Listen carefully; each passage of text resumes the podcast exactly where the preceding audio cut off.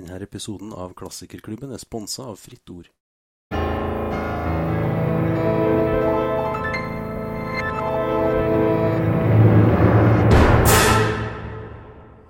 Hei og velkommen tilbake til Klassikerklubben. Jeg heter Tore Fjelstad. Har som vanlig med meg Miriam Christensen i studio. Ja, hei. Og, og nå skal jeg oppfylle et ønske som vi snakka om uh, forrige gang vi møttes. Så vi har også som vanlig med oss Janne Stigen Drangsholt. Yes, endelig. Velkommen tilbake. Takk. og her, her sitter vi og ler og koser oss, og så skal vi snakke om noe som er ganske dystre greier, Janne. Stemmer ikke det? Det stemmer.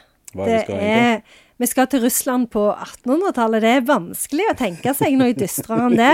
Det måtte jo være sånn Tyskland i middelalderen, kanskje. Ja, kanskje det. Spennende. Vi skal altså snakke om Gogol. Eh, Nikolai Gogol, eller hvis vi skal være helt russisk, da, Nikolai Vasiljevitsj Gogol. De er også opptatt av de her eh, foreldrenavnene. Eh, men hvilken bok er det vi eh, ser på? Nå skal vi se på 'Døde sjeler', Mm. som jo er eh, en av de bøkene som gjerne blir trukket fram når en skal liksom kåre litteraturhistoriens aller beste, som gjør at den passer veldig godt inn i denne podkastserien. Ja. Em, og som egentlig eh, russisk 1800-tallslitteratur Det er løye med det. Altså, det er noe som en alltid kommer tilbake til. Det er liksom Gogol og Dostojevskij og Tolstoy du må, du må nesten ha lest dem. Og når du sier Gogol og Dostojevskij og Tolstoy, så eh, peker jo egentlig på noen ting som jeg ble overraska over da jeg, da jeg gjorde litt research nå før vi skulle spille inn. For jeg har hele tida tenkt at Gogol er, om, om ikke samtidig, så iallfall litt sånn i samme periode. Men han er egentlig mye tidligere. Ja, han er ganske mye tidligere. Men det er em, fordi at uh, Dostojevskij er jo nesten litt sånn Du aner at modernismen er i emning eh, med Dostojevskij. Eh, men, men, men, men hos Gogol òg så er det jo litt sånn noen trekk som er nesten litt sånn ja, eksperimentelle, på en måte. Eh, så så jeg, ja, jeg gleder meg veldig til å snakke om denne. Det en legger merke til når en leser biografien til Gogol, er jo at han er født i Ukraina, men, men blir oppfatta som en helt russisk forfatter. Uh, han skrev jo på russisk, men har et ukrainsk ja, opphav. Altså, han er født der, oppvokst, men bodde jo store deler av livet i de store russiske byene og i Roma, eh, hvor han også skrev 'Døde sjeler'. Men jeg syns det var litt sånn interessant akkurat nå, at du har den der Ukraina-Russland-tematikken. For det her, her er det jo litt um, sånn konfliktfylte historier allerede fra den gangen. Ja. At, uh, at han kunne jo ikke være helt russisk. Eh, for han var jo ukrainsk, og det er noe annet, faktisk. Men ble jo på en måte innlemma i denne Sovjetunionens forestilling om den store russiske litteraturen. Mm. Men det alltid, jo- alltid tidligere har jeg sett den omtalt som russisk forfatter. Ja. Men jeg ser nå at den nye oversettelsen som har kommet nå for noen år siden, så er det gjort et poeng at han er en ukrainsk-russisk forfatter. Og det er, det er jo litt uh, greit å ha med seg, tenker jeg. Ja. Mm. Um, og, og her var det vel også litt diskusjon i hans egen samtid, tror jeg, rundt om han kunne regnes liksom som en av våre i Russland, da. Mm. Mm. Når jeg leser uh, biografien til Google, så får jeg hele tida assosiasjoner til Edgar Allan Poe.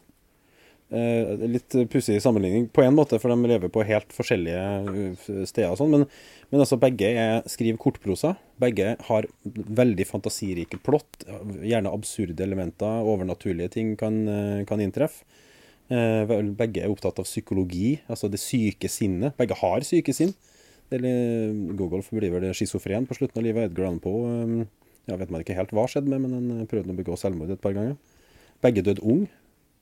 Jeg vet ikke om det nødvendigvis er en direkte parallell, men det var kanskje sånne liv de levde. De som prøvde å livnære seg som forfatter på tidlig 1800-tall. Det var, var smalhans. Og det er liksom eh, tuberkulose og galskap og tidlig død over hele fjøla, liksom.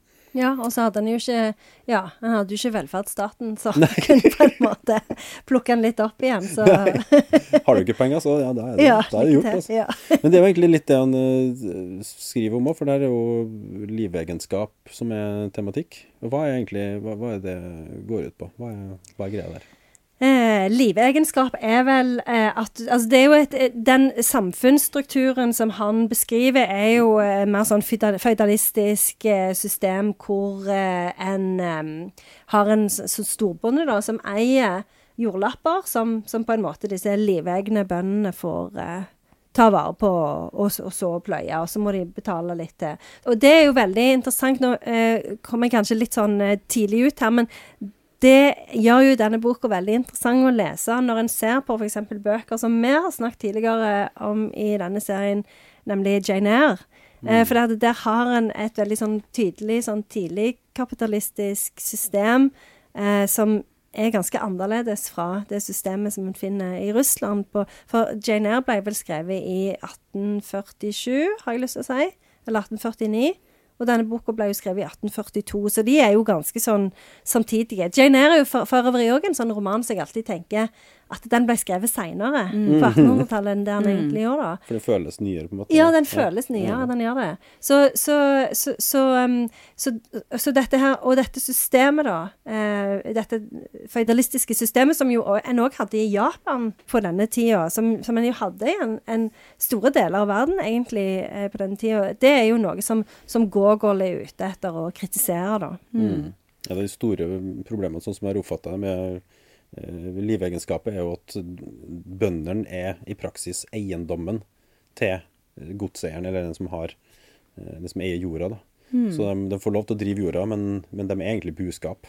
Ja, og, og det er jo det òg litt interessant hvis vi altså, Vi kan jo si at det var tidlig kapitalistisk i England, men Ja. det, jo, eh, det var jo der òg, så var det jo sånn at det, hvis du skulle klare deg, da, så måtte du jo ha arv. Eh, Eller tilhøre Altså, du, det var jo ikke noe sånn eh, Eh, at du kunne klare deg Altså du kunne ja, arbeide deg opp fra å være en Ja. sånn fattig bondegutt til å bli en sånn en eh, storkar. storkar. Eh, så, så, dette, så dette det var jo eh, veldig sånn eh, Ja, at du, du ble jo fanga av Du var veldig sånn fanga i systemet eh, i, i, England. Du blir født fattig, og du lever fattig, og du dør fattig. Ja, det gjør du. Helt riktig. Det er Hyggelig bakteppe til en eh, roman, jeg si. Ja, altså det, dette er jo også noe som er en sånn um, bihistorie i Anna Karenina av Tolstoy. Altså Tolstoy var jo sjøl en del av adelen, på en måte. Han var jo godseier og, og hadde Jeg vet ikke om han hadde livegne bønder akkurat, men, men hans slekt hadde nok det. Eh, men han, han tematiserer jo akkurat det der at eh, man får en sånn slags eh, opplyst tilstand. Altså adelen da, eller han Rent konkret heter han vel Konstantin Levin, gjør han ikke det? Han eh, eh, som blir, eh, blir han svogeren til Anna Jeg husker Dette, er altså, Den er veldig tjukk, den romanen, og veldig mange mange navn. folk. Her har vi litteraturhistorien fritt etter hukommelsen. Men det er noe av det jeg husker gjorde veldig sterkt inntrykk på meg i den eh, romanen, når han på en måte får en sånn åpenbaring om at han skal ikke eie Mm. eh, bondens liv, på en måte. Bonden må være fri, og så må han på en måte kunne jobbe for han da, men, men i en fri tilstand. Ja, og det er jo Så- veldig interessant, det der med altså Hvis vi skal begynne å tenke på det med individets frihet, Mm. hvordan den, eh, hvordan den eh, tanken bare vokser seg sterkere og sterkere utover på 1800-tallet. Veldig, veldig fascinerende. Mm. Det er gøy. Men det betyr jo at du som bonde egentlig er helt prisgitt hva slags godseier du er under. Mm. Du kan være heldig å ha en, en eh, som driver opplyst enevelde, eller så kan du ha en fullstendig eh, tyrann, liksom. Det, det, Og så har du jo Tsjekhov, da, som i Kirsebærhaven. Der har du kommet en del lenger ut i historien. Så der Mm.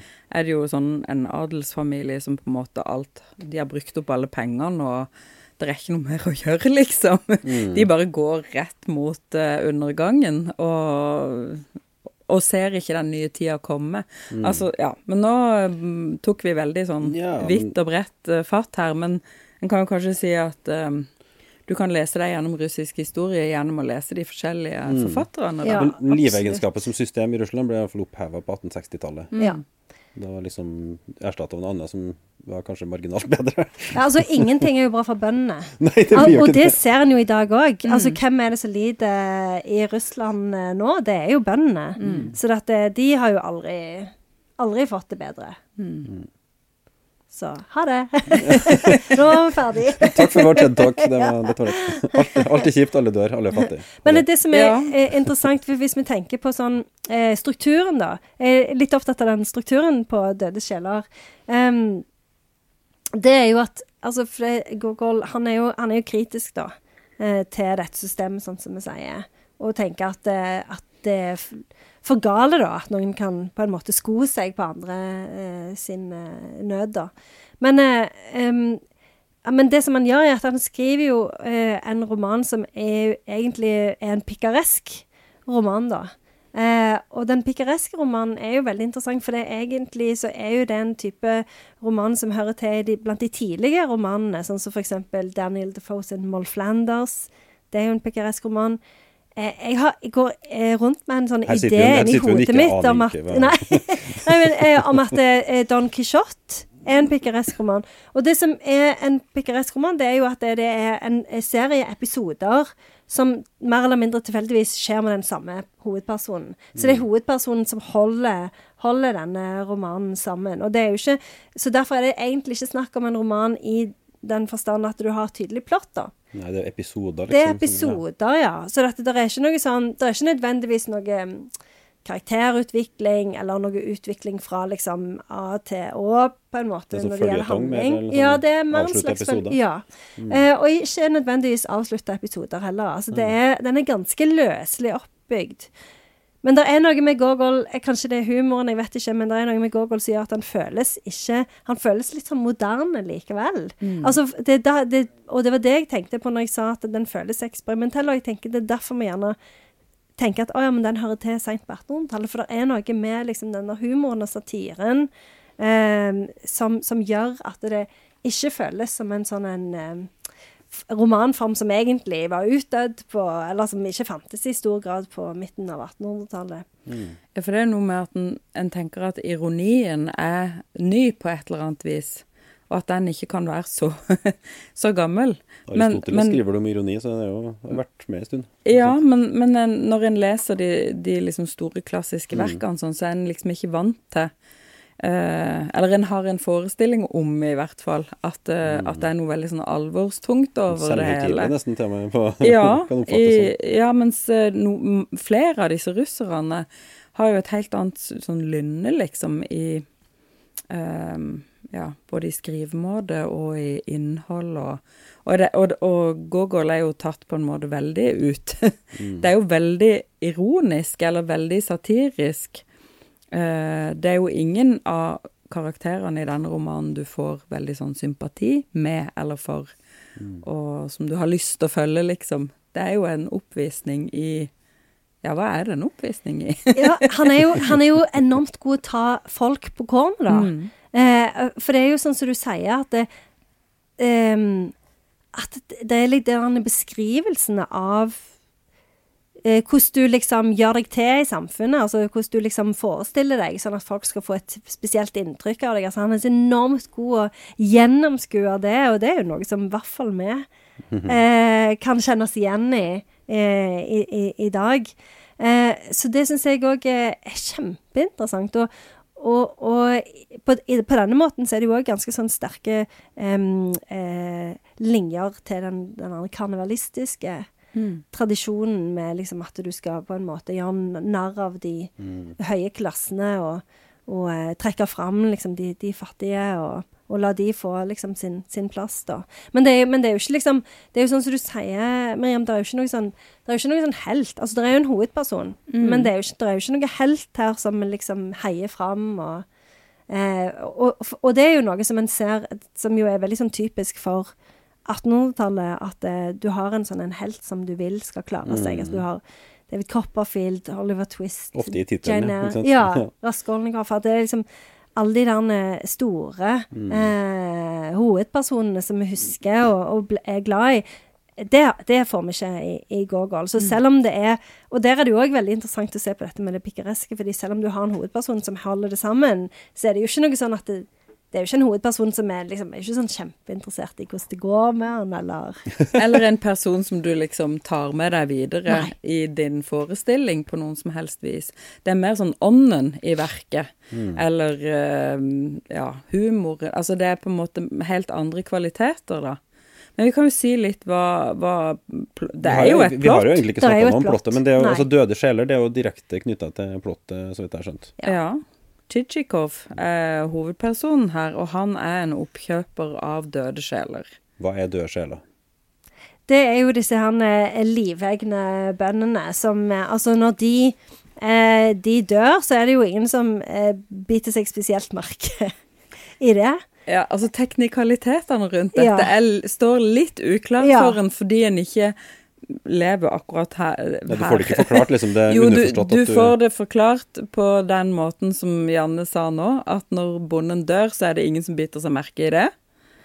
Så, og, og da er det sånn som jeg har forstått, så er det disse her eh, storbøndene, da, de fortsetter å betale skatt på disse livegne bøndene. Så hvis du har 800 bønder, da, så er det jo 800 du betaler for. Ingen som fører opp hvor mange som lever, og hvor mange som er døde, og disse her. Det må bli praktisk i lengden, da. Det blir bare flere og flere, liksom. Ja, og så er det jo Chichikov, da, som sier at eh, jeg kan dis, Han sier vel 'disse er døde, jeg kjøper de av deg Han kjøper sjelene, for en liksom. billig eller- penge'. Mm. Ja.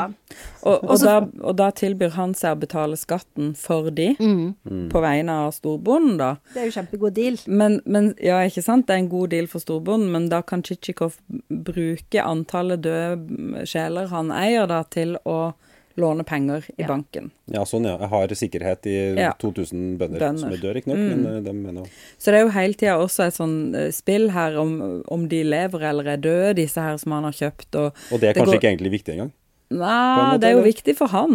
Ja, det er jo viktig For han for har han. jo ikke en eh, gård hvor han egentlig skal flytte alle disse bøndene til, men det går det jo også rykte om på Ja. et tidspunkt. Og... jeg Og... tenker det er ikke viktig når han skal søke om lån, om de lever eller dør. Det er Nei, de forholder seg jo bare til Banken forholder seg kun til papirene Nemlig. eh, som eh, Hvor så disse egentlig sånn aksjespekulasjon på et vis, eller sånn Mm. Ja, og det er jo det er veldig interessant, fordi at det er jo sånn jeg, Vi holder på å se en sånn serie på HBO nå som heter Tokyo Vice. Har dere sett den? Den handler om yakuzaen i, i Tokyo.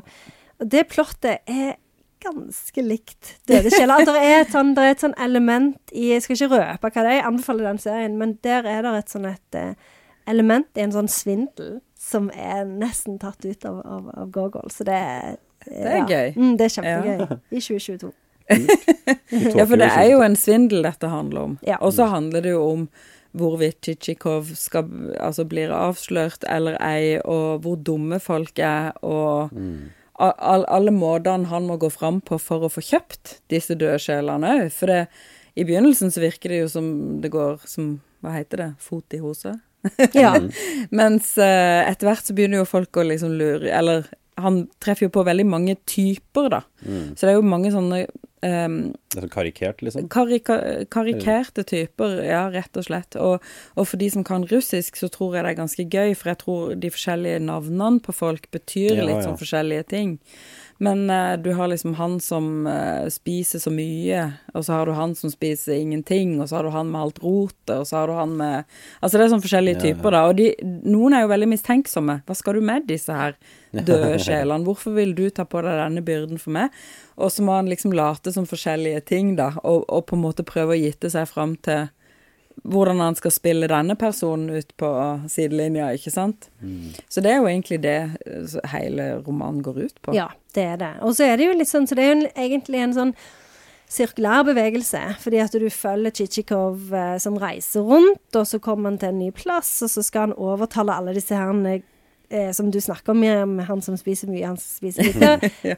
om å la han få kjøpe disse døde sjelene. Men så er det jo òg at eh, romanen har Altså tittelen har jo en annen betydning òg, for det er jo en samfunnskritikk i form av at en kritiserer disse døde sjelene, da. Altså er, er dette et samfunn hvor folk ikke bryr seg om hverandre, og hvor en har mista en sånn type fellesskapsfølelse. Og, så det er jo, det er jo eh, to lag, da, mm. i denne, i denne tittelen òg. Mm.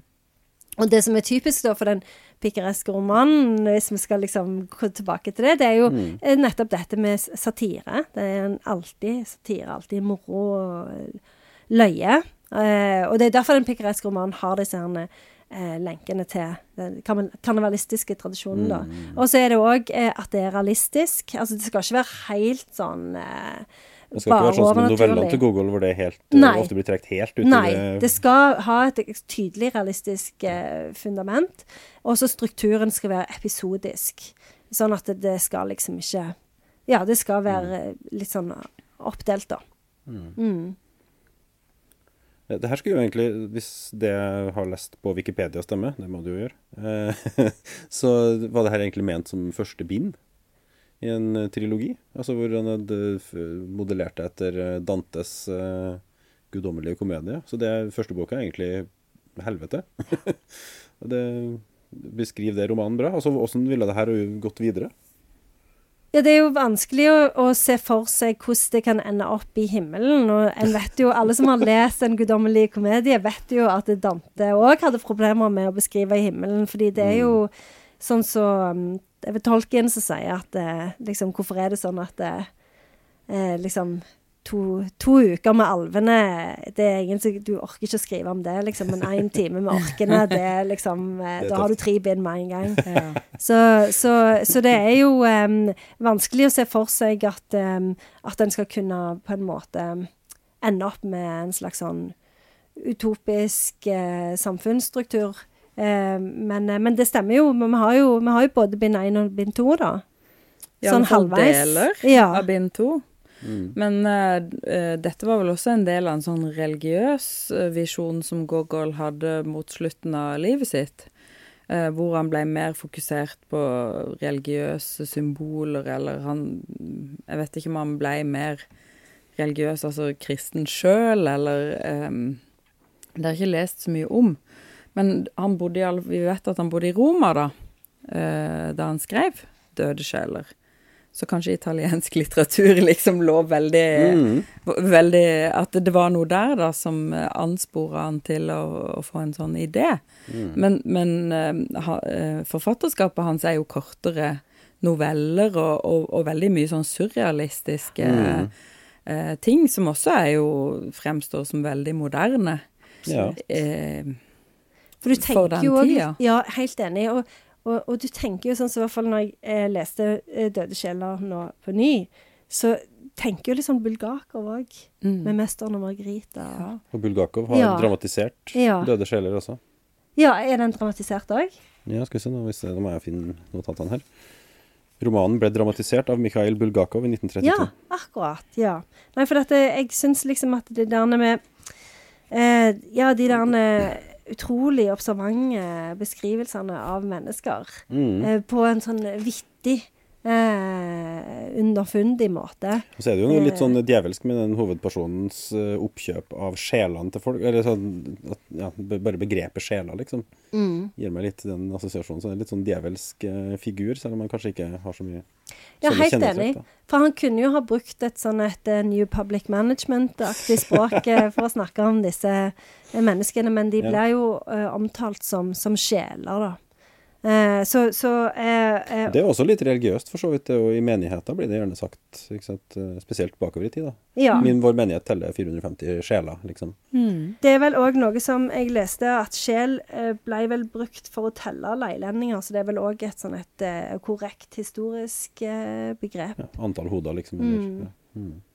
Nå ser det ut som du skal lese litt fra boka, Miriam, så ble vi veldig Venta litt på det. Nei, jeg har uh, bare lest lite grann om Gogol uh, i Geir Kjetsås sin biografi. Og han skriver om at um, uh, i den russiske litteraturen så er det sånn at forfatteren er liksom ikke bare romanforfatter, men også en såkalt livets lærer, da. Og både Dostojevskij og Tolstoj er jo sånne som på en måte også vil mene noe om hvordan man skal leve livet. Gogol hadde også en sånn idé om at uh, dette med å skrive de liksom himmelen og helvete og Dante og lage det store verket ut av døde sjeler, handla jo også om det, da. At man har et budskap til det russiske folk. Um, og så skriver Kjetso at ehm, det som skjedde da på slutten, var jo at eh, Gogol gikk litt fra å at det handla om formen i litteraturen, til at det nå handla mer om budskapet. Mm. Og det er kanskje derfor jeg tror den del to av Døde sjeler blir liksom betegna som litt kjedelig. Ja, ja, ja. At da kommer nettopp det som også tol nei, Tolkien skriver, sier om alvor og orker, Mm. ikke sant. Det der at det på en måte får litt Det blir litt tyngre Mm. materie og skulle være en sånn budskapets bærer, da, Mm. egentlig.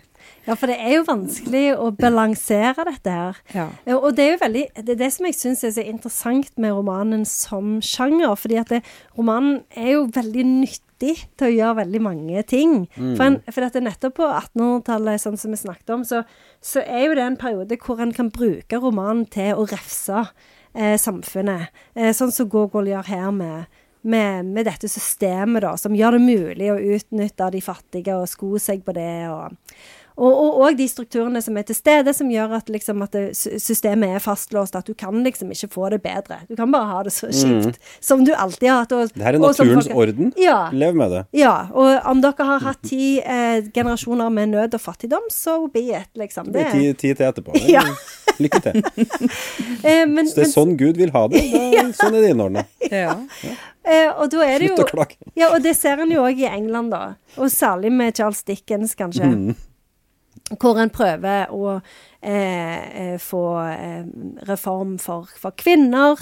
Eh, for eh, altså, Charles Dickens var jo f.eks. opptatt av disse spinsterne, disse kvinnene som aldri fikk gifte seg, og som måtte leve et liv i fattigdom fordi de heller ikke kunne få seg jobb. Han er jo opptatt av eh, fabrikkarbeiderne sine arbeidsvilkår, og, og tar alt dette inn i romanen, da. Men, men det er jo sånn som du sier, Miriam, at du, altså leseren vil akseptere ganske mye sånn. Og det vil kanskje òg kunne endre på måten vi tenker på, men leseren vil kanskje ikke akseptere en roman hvor det ikke skjer noe. Altså det må være handling. Det kan ikke gå på bekostning av et godt plott. Eh, og der er, er vi jo inne på noe sentralt, og, og, og særlig med, med, med bok to, sånn som du sier, at det, der er det Det er tungt å lese, altså. Men altså, bok to den er jo ufullstendig. Altså, delvis Ja, fordi han brant manuskriptene og Ja. kom litt sånn under innflytelse av en eller annen gal prest, visstnok. Og var, Altså- ble schizofren etter hvert. Altså, han fikk en psykose på slutten av livet som gjorde at han sulta seg i hjel i en sånn religiøs faste. Død som 42-åring. Litt av en avslutning på livet. Det er jo alltid sånne myte, myter rundt øh, øh, Ja, mye i Russland. rundt døden. Ja. Ikke sant? Du har jo tsarfamilien, den siste tsarfamilien og alt sånt. Men Mm. eh, det var en sånn fortelling om at eh, man gravde opp eh, kista eh, til Gogol etter hans død, jeg vet ikke hvor lenge, og da var den tom. Og det eneste som lå igjen i kista, det var det pusterøret som han skulle sette, ja. som han skulle sette inn i han, som han skulle ha i tilfelle han ble begravd som skinndød. Mm. Og det var jo Så sånn mani sånn- på midten av 1800-tallet, visstnok. Oh, ja. ganske vanlig. ja. At det, det er mange sånne mm, sånn dead man's bell, eller hva det heter for noe. Man gravla liket, og så var det, la man en tråd. Og så oppfor gravsteinen så var det en liten bjelle som kunne ringe inn hvis du var gravlagt ved en feiltagelse. Fordi du bare var døddrukken, eller du var Ja. Det er sykt da. Ja, men lot ikke folk ligge liksom et par timer bare for Ja, å være sikre. som om det ikke var kjipt nok å leve. Så skulle du søren meg ha den frykta at hvis jeg dør, kanskje jeg ikke er død engang. Kanskje jeg ligger og blir levende begravet, liksom. Flate. Men, eh, men eh, han også blir jo begravd med sånn sinnssykt mange mennesker som følger han til grava, Gogol. Så han har jo hatt en enorm betydning, da, eh, i sin samtid. Og så er det vel litt sånn uklart i ettertid eh, om han er liksom inne eller ute, holdt jeg på å si. Det veksler litt, liksom. Ja, ja. Og, og det er også en um, han Kjetso skriver her om hvordan det er to forskjellige statuer som er, er reist av Gogol da i eh, Jeg tror det er St. Petersburg. Som har totalt ulikt uttrykk. Og som på en måte, Så det er to sånne eh, bilder av Gogol da i russisk eh, kontekst som man kjemper eh, liksom om hvilken versjon av han man skal Mm. oppskatte, da. Ja, for den biografien som du har der, det portrettet på fronten der, der ser jeg liksom en sånn eh, en kjekk, ung, romantisk eh, diktertype, liksom, med sånn langt hår og en frekk bart og pene klær, liksom. Mens når jeg leser om slutten av livet hans, så ser jeg for meg Edgar Allan Poe med 40 poser under øynene og bustete hår og sløyfa på halv tolv og skitne klær, liksom. Så ja, det er Ja. kanskje plass for begge.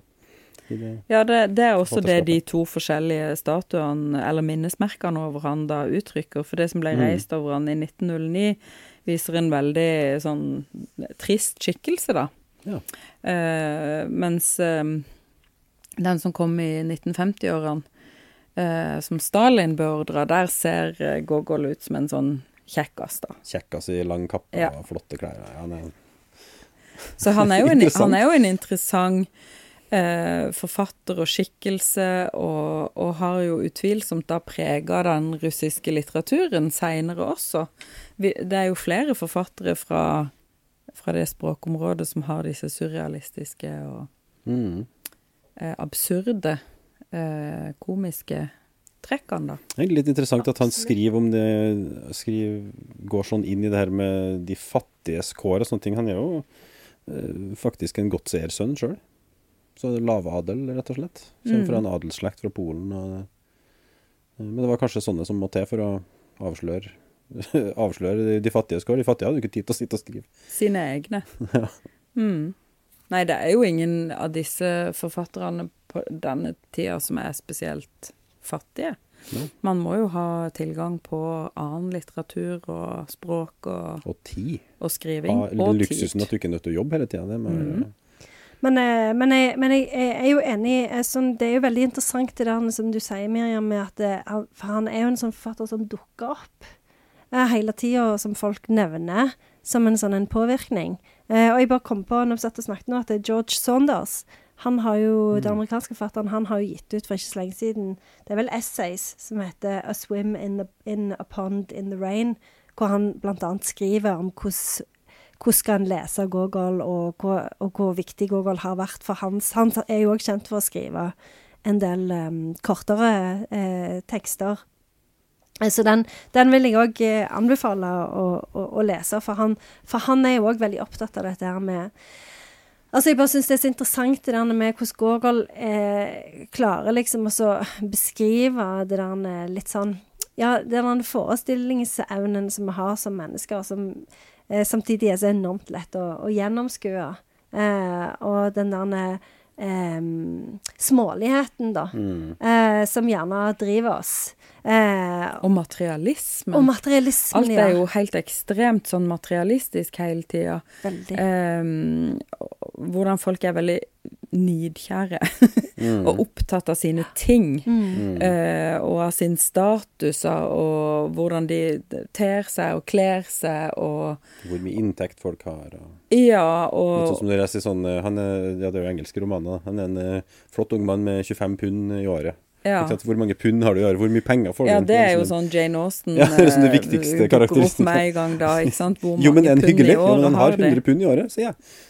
Litt sånn Ja, og det er jo forståelig òg, fordi at en trenger jo En trenger jo penger. Ja, for å overleve. Eh, så, men jeg syns det er så eh, Og det er så lett å se en del av de parallellene til vår egen tid.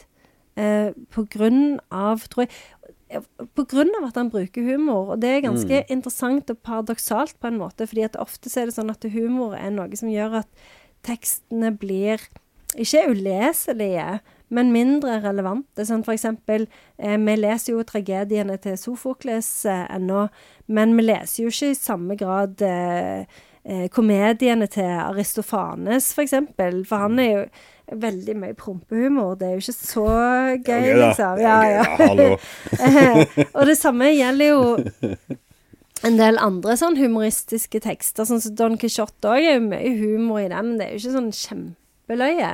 Men sånn som med Gogol, så er det jo faktisk sånn Altså nå er jo eh, selvfølgelig det ei bok som er nærmere oss i tid enn de andre tekstene, men likevel syns jeg det er fascinerende at den, liksom, den humoren og satiren har holdt seg så bra, da. Eh, Fordi at det er noe veldig moderne med måten de er på, nettopp pga. sånn som dere sier, liksom at det, folk er så materialistiske, og folk er så opptatt i å ha ting og kare til seg ting, da. Eh, som jo er et veldig sånn typisk trekk i vår egen tid, da.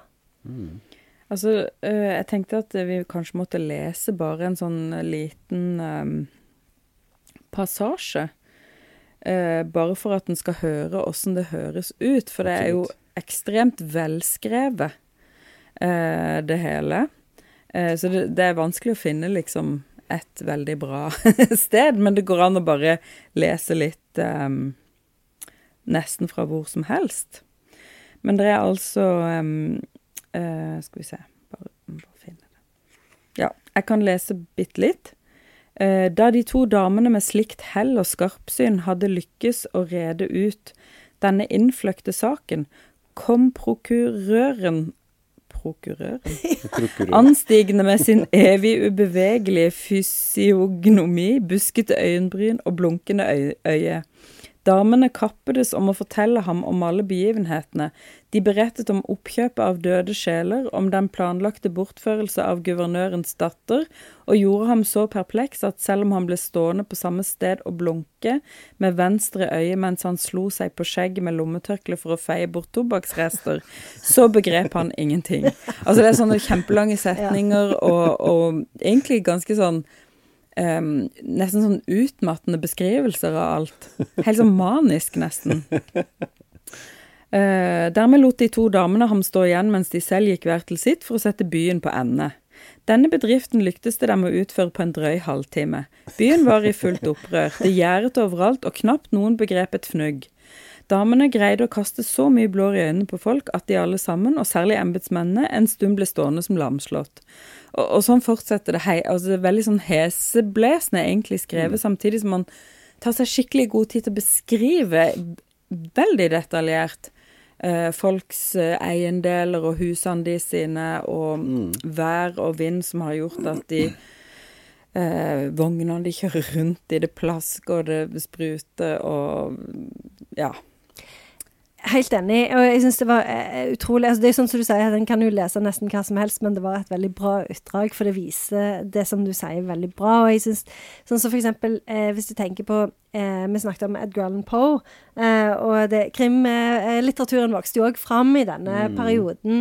og Arthur Conan Doyle han hadde jo som sånn prinsipp når han skrev fram Sherlock Holmes, at Sherlock Holmes, når han kom inn i et rom, så skulle han legge merke til alt mm. i det rommet. Fordi at mennesker Jeg vet ikke hvor mye vi legger merke til, er 5% eller noe. Mm. Fordi vi ser bare det som vi forventer å se. Men Sherlock Holmes, han klarer å se alt. Og det, jo, og det, er jo, litt sånn med Gog og Lag. Han òg klarer å se alt. Og det, og det er så utmattende. Jeg syns jo sjøl eh, så synes, legger jeg òg veldig mye merke til ting hos folk. Eh, og jeg syns òg at det, det, er ganske sånn utmattende. Eh, og sånn som når jeg skriver Ingrid Winther, f.eks., så skriver jeg jo ned noen av de tingene bare for å få det ut. Fordi at jeg, mm. det blir så mye å forholde seg til. Mm. Eh, og derfor så skjønner jeg godt at han ble litt ko-ko på slutten. For det er veldig utmattende å være såpass observant som Gogol, tenker jeg. Ja, og, men også det å ha så At han eh, For du, det er jo en forfatterstemme også i denne teksten eh, forfatteren sjøl uttaler seg og kommenterer sin egen tekst og sin egen handling og sånn underveis.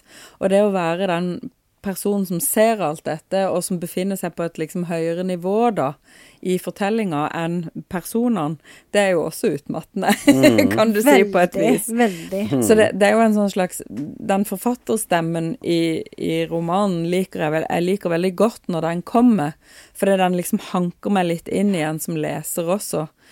For det, dette er jo ikke en roman du leser som du leser f.eks. da Jane Eyre, som vi har snakka om, eller andre, hvor du har liksom denne hovedpersonen som er i sånn utvikling, og, mm. og du følger én sånn plottlinje.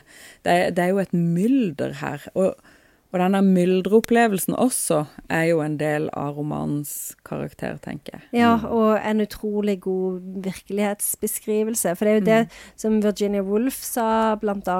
Eh, på 1920-tallet, at, eh, at eh, 1800-tallsromanen løy for oss fordi at de presenterte virkeligheten som en sånn en lineær eh, begivenhet hvor du liksom beveger deg litt framover mm. hele tida. Men virkeligheten er jo ikke sånn, sa hun. Virkeligheten er mer at du kaster en eh, liten småstein i en dam, og så kommer det ringer ut. Og det er jo litt sånn som òg lå, at han Det er jo derfor vi blir så utmatta av det. Og det er mm. derfor det ofte er fint å lese en roman, fordi at du får en pause for det der mylderet som virkeligheten er. Eh, men ikke hos Gogol. Og der er det jo derfor, det er jo derfor jeg, sånn, jeg klarer ikke å lese den romanen sånn i lange strekk om gangen. Det blir liksom litt og litt. Eh, for det er jo litt fordi at, sånn som du sier, med at det er liksom ikke sånn at du Du er ikke spesielt interessert kanskje i hva som kommer til å skje, fordi det er ikke dette her storplottet som utfolder seg. Men, men litt òg fordi at det er liksom Han nekter oss den der Til tross for forfatterstemmen, som jeg er helt enig i er veldig sånn oppklarende, så nekter han oss den der eh, lineære eh, oppbygningen, da, som, som gjør at det blir litt sånn avkobling å lese romaner ofte. Og så er det jo utrolig slitsomt å lese om folk som kun er opptatt av eh, penger og status og materielle ting. Materialitet. Eh, gods, gull. Eh, hvordan ting liksom skal ordnes praktisk. Hvem skal skrive opp kontrakten, og hvem skal signere den og godkjenne den, og hvem kan vi eh, eh, betale for å få gjort dette fortest mulig, så ingen oppdager hva døde sjeler egentlig er. Altså, å, å lese om det er, er veldig slitsomt, og på en måte um, som jeg tror Gogol også ønska at det skulle være, for han, han prøvde jo å fortelle folk noe med å skrive den romanen sånn. Ikke bare å få de til å le, da, men også Han ville jo på en måte trekke de opp på et mer åndelig plan, da. Hvor man skulle reflektere over dette. Helt enig. Og det gjør han jo òg. Det er jo ofte sånn at en liksom Det er jo en annen ting til at Eller en annen grunn til at humor gjerne blir litt sånn nedvurdert, fordi at det folk eh, Når du ler, så glemmer du liksom alt annet. Eh, men, eh, men Gogol klarer jo faktisk det å, å holde den der eh, eh, fanen høyt med, med samfunnskritikken, sånn at du som leser så glemmer du jo aldri hva han egentlig er ute Altså hva som det egentlig er som er oppdraget hans, da. Og det er jo veldig beundringsverdig. Og det er jo veldig sånn Det er jo òg veldig interessant, fordi at det, det er sånn som for eksempel, ja, humor, da, eller i science fiction, eksempel, den der det nye, det som er liksom det, den nye teknologien, det er jo ofte sånne ting som utraderer alt det andre, fordi at vi blir så opptatt av den tingen og ser på liksom spektakulet at, at vi glemmer alt det andre, men, men ikke i, i, Gorgol, da. da.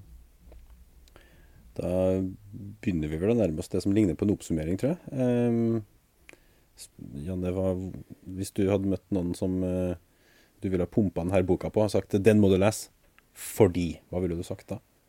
Fordi at den sier veldig mye sant om det moderne mennesket. Eh, og den eh, retter en sånn en advarende pekefinger eh, mot hvordan vi kan bli hvis vi ikke tenker på menneskelighet, og bare synker ned i materialitet. En advarsel til oss alle. da tror jeg vi rett og slett eh, setter strek der. Så må jeg bare si tusen takk igjen for at, Janne, for at du kommer hit. Det, du må snart flytte til Sørlandet, så Ja. du slipper å kjøre så langt. Veldig kjekt. Det er veldig stas. Det er verdt kjøreturen. Veldig bra. Veldig godt å høre. Tusen takk for, eh, for nå, og takk for at du hørte på.